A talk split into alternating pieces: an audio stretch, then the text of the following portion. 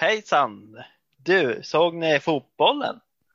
Ja. Sverige, Eh, ja. hur kunde de förlora? Ja, de är ju dåliga då. Ja, nej, det var inget kul.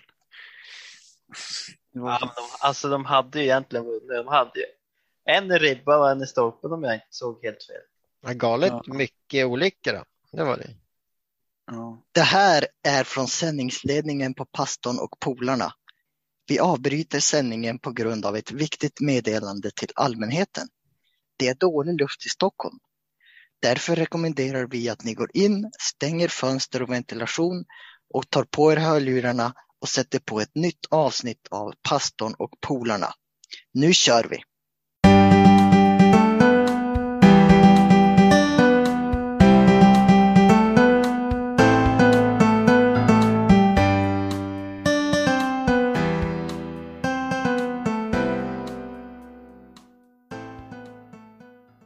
Och välkomna till eh, ett nytt avsnitt med pastorn och polarna.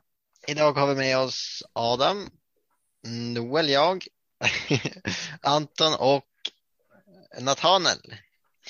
Vi ska prata om eh, bön del två den här veckan. Men först ska vi fråga här hur veckan har varit.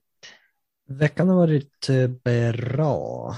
Jag har kommit mig till skott och börja eh, fixat ett eh, sånt där simkort så att jag kan gå till badhuset och börja simma. Man måste ju röra på sig lite grann här i livet. ja. ja, men det är bra. Det, det låter trevligt. Simma, det är ju faktiskt trevligt så här på vintern i alla fall. Ja, jag själv här sitter man ju bara och väntar på snön. Vi var ju och köpte en skoter till syrran här eh, i söndags och ja, nu börjar man bli taggad på att snön ska komma. Jag är enig i den. Tråkigt när det regnar och är nollgradigt. Det är kallt och slaskigt, men så är det. Jag har haft ganska fullt upp den senaste veckan. Eh, En del på jobbet men också det var tonårshelg här på Ekebyholm. Ja, det såg jag. Så det var kul men jag blev ganska trött efteråt så att Hjälpte det till? ja, Nice. men nu får man tänka lite extra på aktivitetsbalansen. ja. Så här i början av veckan måste man vila upp sig här. Mm. Jo då. Nej, men det var en fin helg. Då ska vi kanske dra igång här på en gång här. Så Nathanael, du får ta, ta och börja här. Ja, vi, som förra gången hade vi en liten illustration i början då. Och eh, jag lyssnade på en predikan på vägen hem när, när jag körde bil och då var det en pastor som pratade om att bön eh, kan man eh, likna lite grann som är eh, att man andas, att bön eh, liksom han, han berättade om att han gillar att springa maraton. Så frågade han hur tror ni det är att springa maraton utan att andas? ja. Och eh, det går ju inte så långt så svimmar man eller eh, det går inte alls. Så han eh, eh, tog den liknelsen att det är väldigt viktigt att be. Det är liksom att, ja, som att eh, i, när man ska springa så är det ju jätteviktigt att andas. ja, så han menar att det hjälper inte bara att be en gång i livet. Liksom. Nej, Det, det kanske inte gör så, så stor skillnad antagligen. När jag, när jag springer så märk, har jag märkt att jag nästan måste tänka på att andas. Om man glömmer att ta något andetag där, då får man andnöd i ja, några sekunder senare som man måste ta igen. Och då menar han att ben då ska vara lika, man ska tänka på det lika mycket som man tänker på andas när man springer. Är det det som är själva poängen då? ja det och att eh, det är ju väldigt viktigt för att komma framåt. Ja, Så. I livet, jo. Ja, liksom vi behöver ju hjälp att eh, ja, få kraft och styrka för dagen. Och, och så också. Så det var många grejer vi kunde ta ut av den lilla liknelsen här i början. Då. Adam, hade du någon historia? Jag hittade en liten pojkespön som jag tyckte var rolig här på internet. Den går så här. Käre Gud, ta hand om min mamma och min pappa och min syster och min bror och min hund och mig. Snälla ta hand om dig själv också Gud. Om något händer dig så kommer vi att hamna i en väldig röra. Ja. Ja, Det är det är sant. klockren. Ja, En bar, barnatro, det är det, är det som är. eh, okej, men om man tvivlar på att Gud finns då? Är det någon mening att be då? Ja. Eller nej, jag vet inte. Man förlorar väl inte på att göra det kanske. Man, och be, det.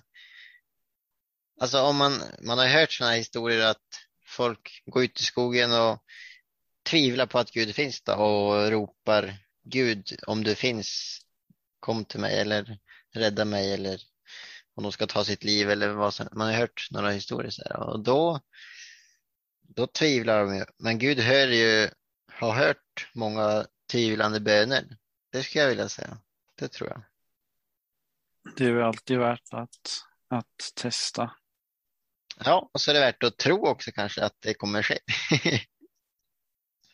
Ja, men eh, vad heter det, Nathanael hade fått fram några synonymer till bön också. Vi ska snart gå in på lite eh, mera eh, i Bibeln och så, men vi tar lite här först. Synonymer till bön. Ja, Vad har vi hittat då? Jag googlar bara snabbt här då är det vädjan, begäran, önskan, hemställan. Och det där sista Anton, kan du förklara lite? Det fattar inte jag. Ja, vi, vi var hemställan och nu är det ju så att jag har eh, varit och, eh, be, på besök på en på en, någon fängelse, så här, eh, eh, besöksgrupp bland annat. Och då finns det något som heter hemställan.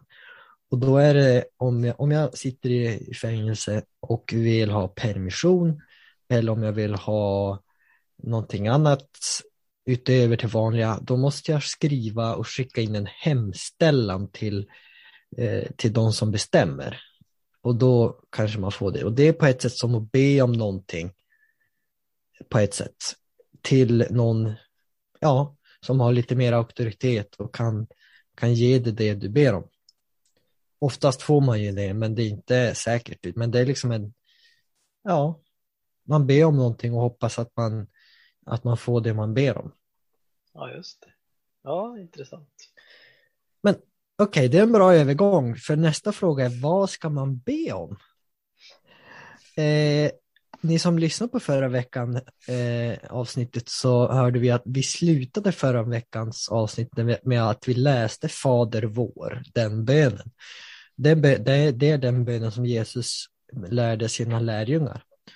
Och vi tänkte att vi skulle titta lite djupare på den. För det kan lära oss om, om vad man kan be om. Eh, och Noel, du hade det här, eh, ett litet stycke citat från den här vägen till Kristus. Som Ja. jag också nämnde. Ska jag läsa det kanske? Jag läste det innan vi tar själva Det bibeltexten. sa Jesus alltså när han var på jorden här. När Jesus var på jorden lärde han sina lärjungar hur de skulle be. Han uppmanade dem att lägga fram sina dagliga behov för Gud.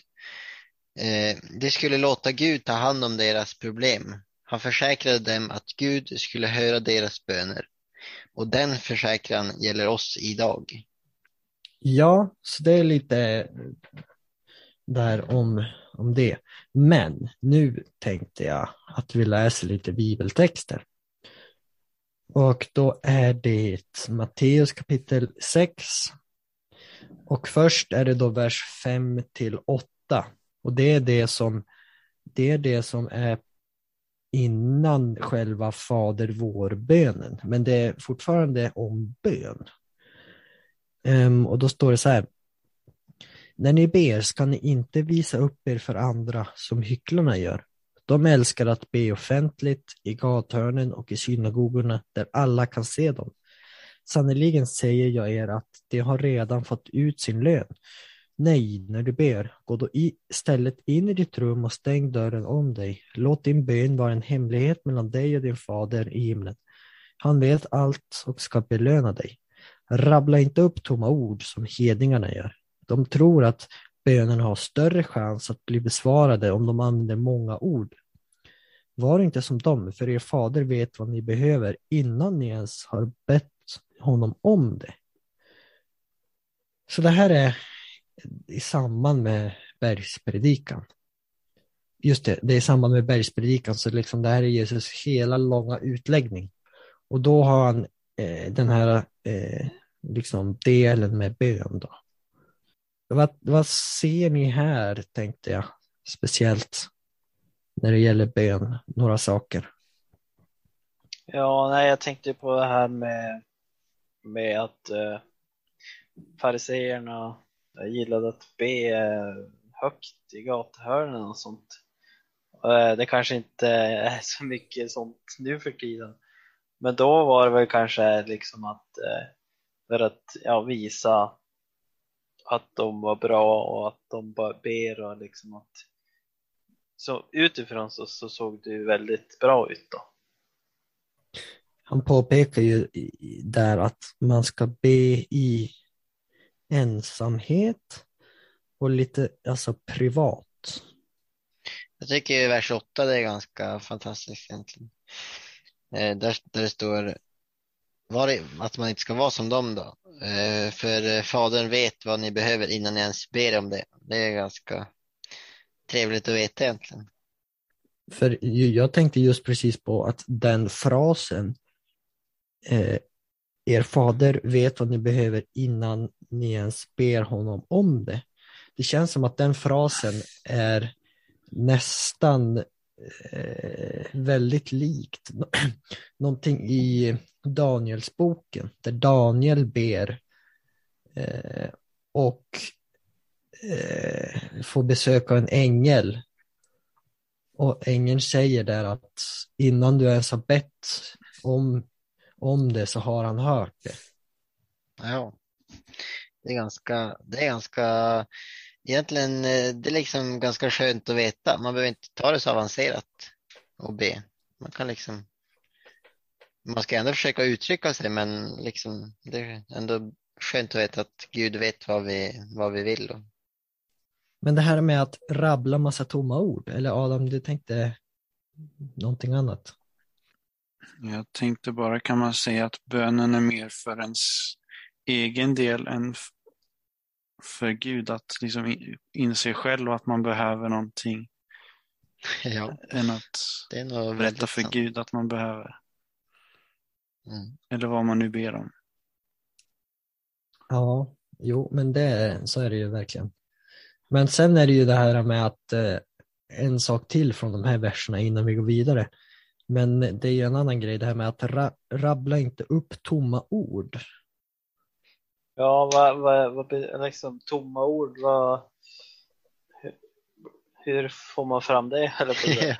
ja, hur kommer man dit? ja, liksom blir det när man har bett tills man inte kan be mer eller? Ja du, det är en bra fråga. Eh, men alltså, jag vet inte riktigt. Men jag, jag tänkte bara att ibland träffar man några sådana personer som bara babblar och babblar och babblar och babblar. Och de, man, men vad säger du egentligen? Alltså? Du använder väldigt mycket ord, men Mm. är det någonting? Alltså, Ja, jag tänker bara själv när jag läser, eller om man ber för maten till exempel, då, då kanske det är lite åt det hållet faktiskt. Ibland liksom. Du tänker inte efter kanske. Så man, man menar inte det man säger. Lite Nej, inte alla gånger kanske, för att man, ibland då är det så stressigt så då bara kanske säger man för att få det sagt, eller, till exempel.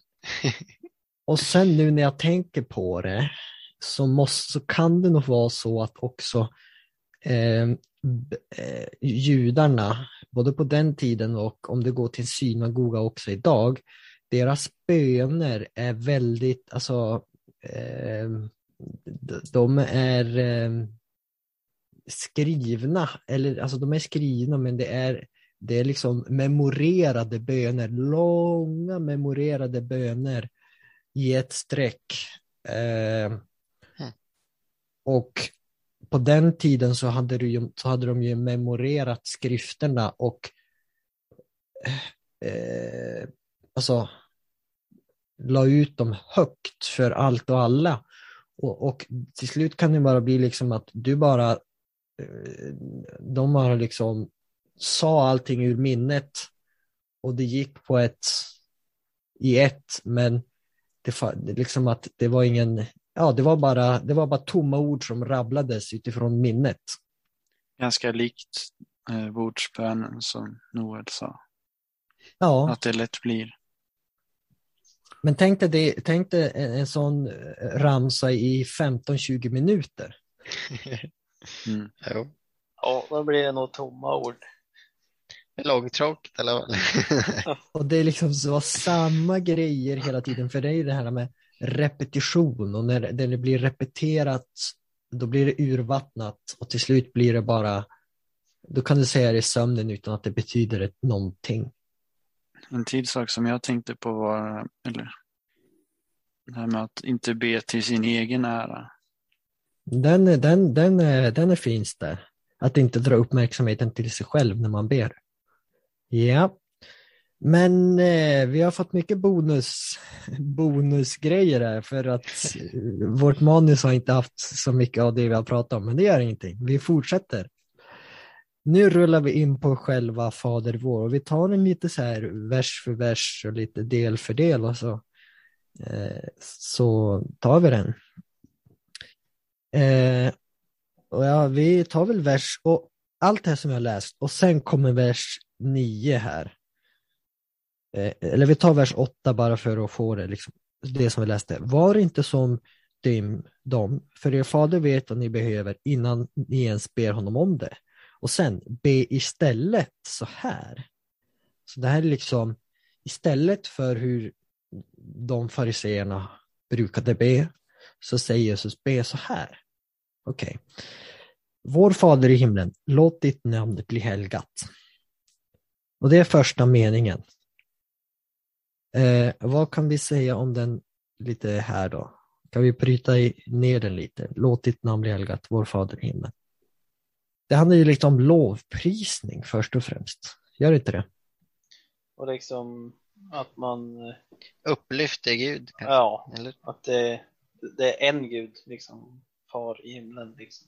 Och som Adam sa där, att man drar inte uppmärksamheten till sig, utan man drar den till Gud.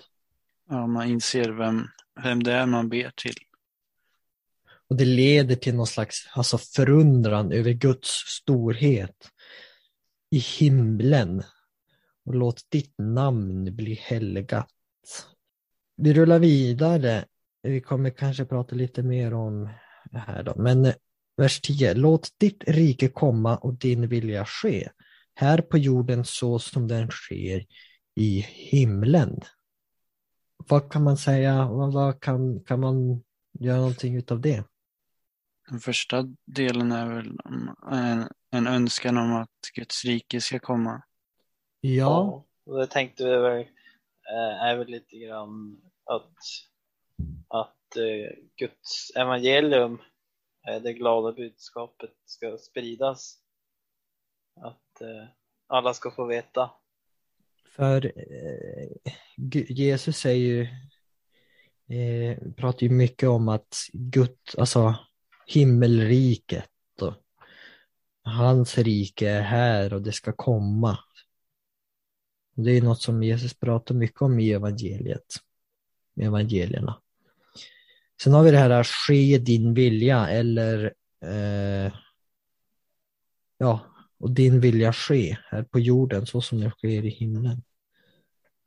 Och då tänkte jag att ja, det är ganska ganska straightforward. Alltså, man kan be om Guds vilja och det i sitt liv, olika stora och små saker. Och jag har varit på många sådana här seminarium och grejer och då brukar det alltid ofta finnas något sånt där eh, workshop eller någonting. Eh, hur, eh, liksom, hur vet jag Guds vilja för mitt liv? Och hur kan jag be om Guds vilja och sådana där saker. Själv är man ganska van att be, be om saker. Eh, att saker ska ske enligt Guds vilja alltså för en själv hade det känts ganska konstigt att ske min vilja. Än, än om det kanske är det som, det som man egentligen hade velat be om. Ja, och det är också här, det är väl lite det att det är inte, man ber inte att ens egen vilja ska ske, utan det är Guds vilja och Guds planer. Så att Mm. det innebär ju att det finns en eh, skillnad mellan min vilja och mellan Guds vilja och det är därför man liksom poängterar att Gud, det är faktiskt, jag ber att det är din vilja som ska ske. För att jag tror att den är bättre än min. Mm. Man måste överlämna sig till Gud. Ja, eh, precis. Det är det som är bakom den lite grann. Eh, vi rullar vidare, vers 11. Ge oss idag den mat vi behöver. Det är fint. Ja, men Konkret. behöver vi be om mat idag? På, på, liksom, eller va? Ja, det ska du inte. Kanske inte i? Norge och Sverige, men, men på andra ställen är ju mat för dagen ett mycket större problem. På, om, jag, om jag tänker tillbaka oss på, eh, till lärjungarna Jesus. De gick ju runt och jobbade inte, så de, eh, de kanske inte hade mat dag, dag till dag. Liksom. Nej, för de behövde ju, fick de ingen fisk så hade de ingen mat. Mm. Och hade de ingen mjöl så kunde de inte baka bröd och hade, hade det varit torka så hade de ingen, inga grönsaker och sådana saker. Vi kan ju alltid gå bara och köpa. Man kan väl säga att det här med mat, om vi ska göra det lite mer till idag, att det, det kommer vara fysiska behov. Det är ganska populärt att prata om Maslows behovstrappa.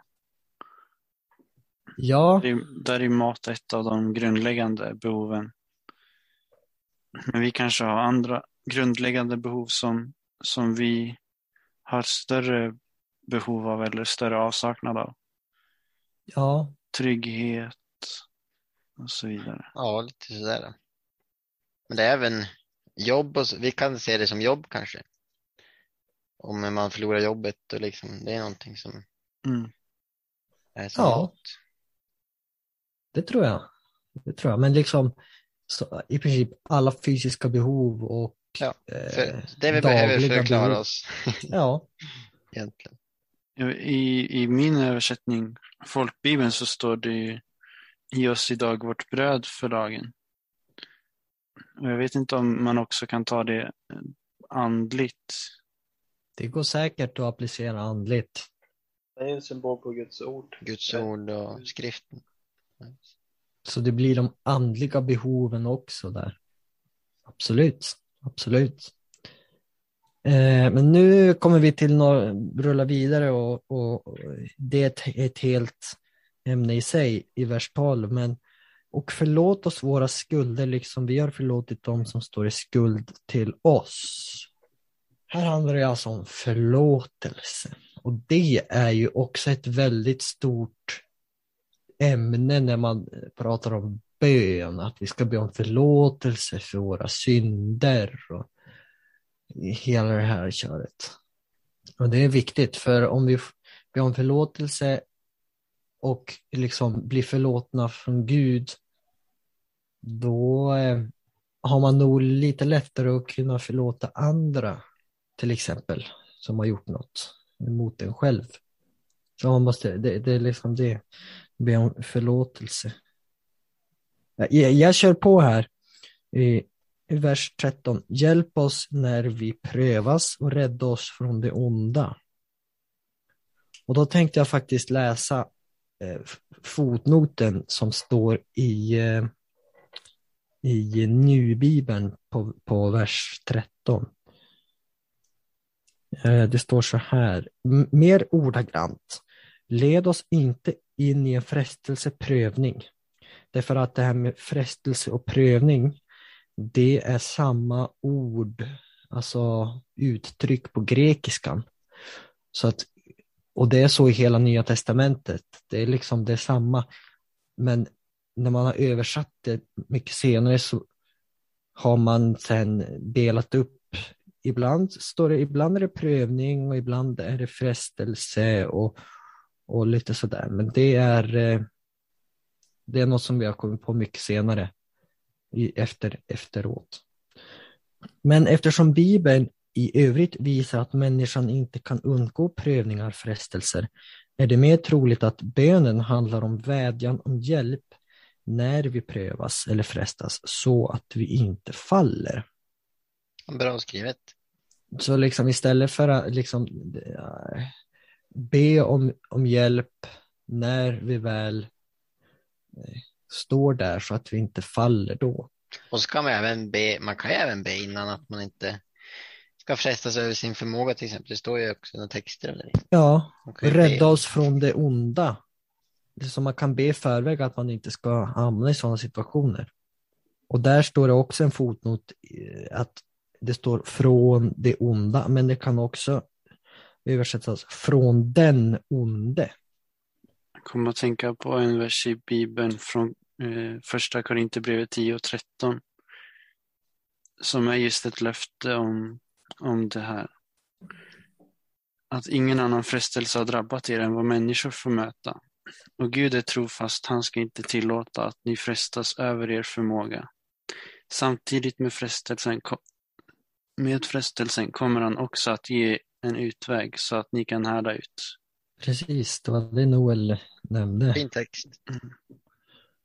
Okej, sen är det vers 14 och 15 också ehm, som fortsätter på det här. För om ni förlåter dem som har gjort fel mot er ska er fader i himlen också förlåta er.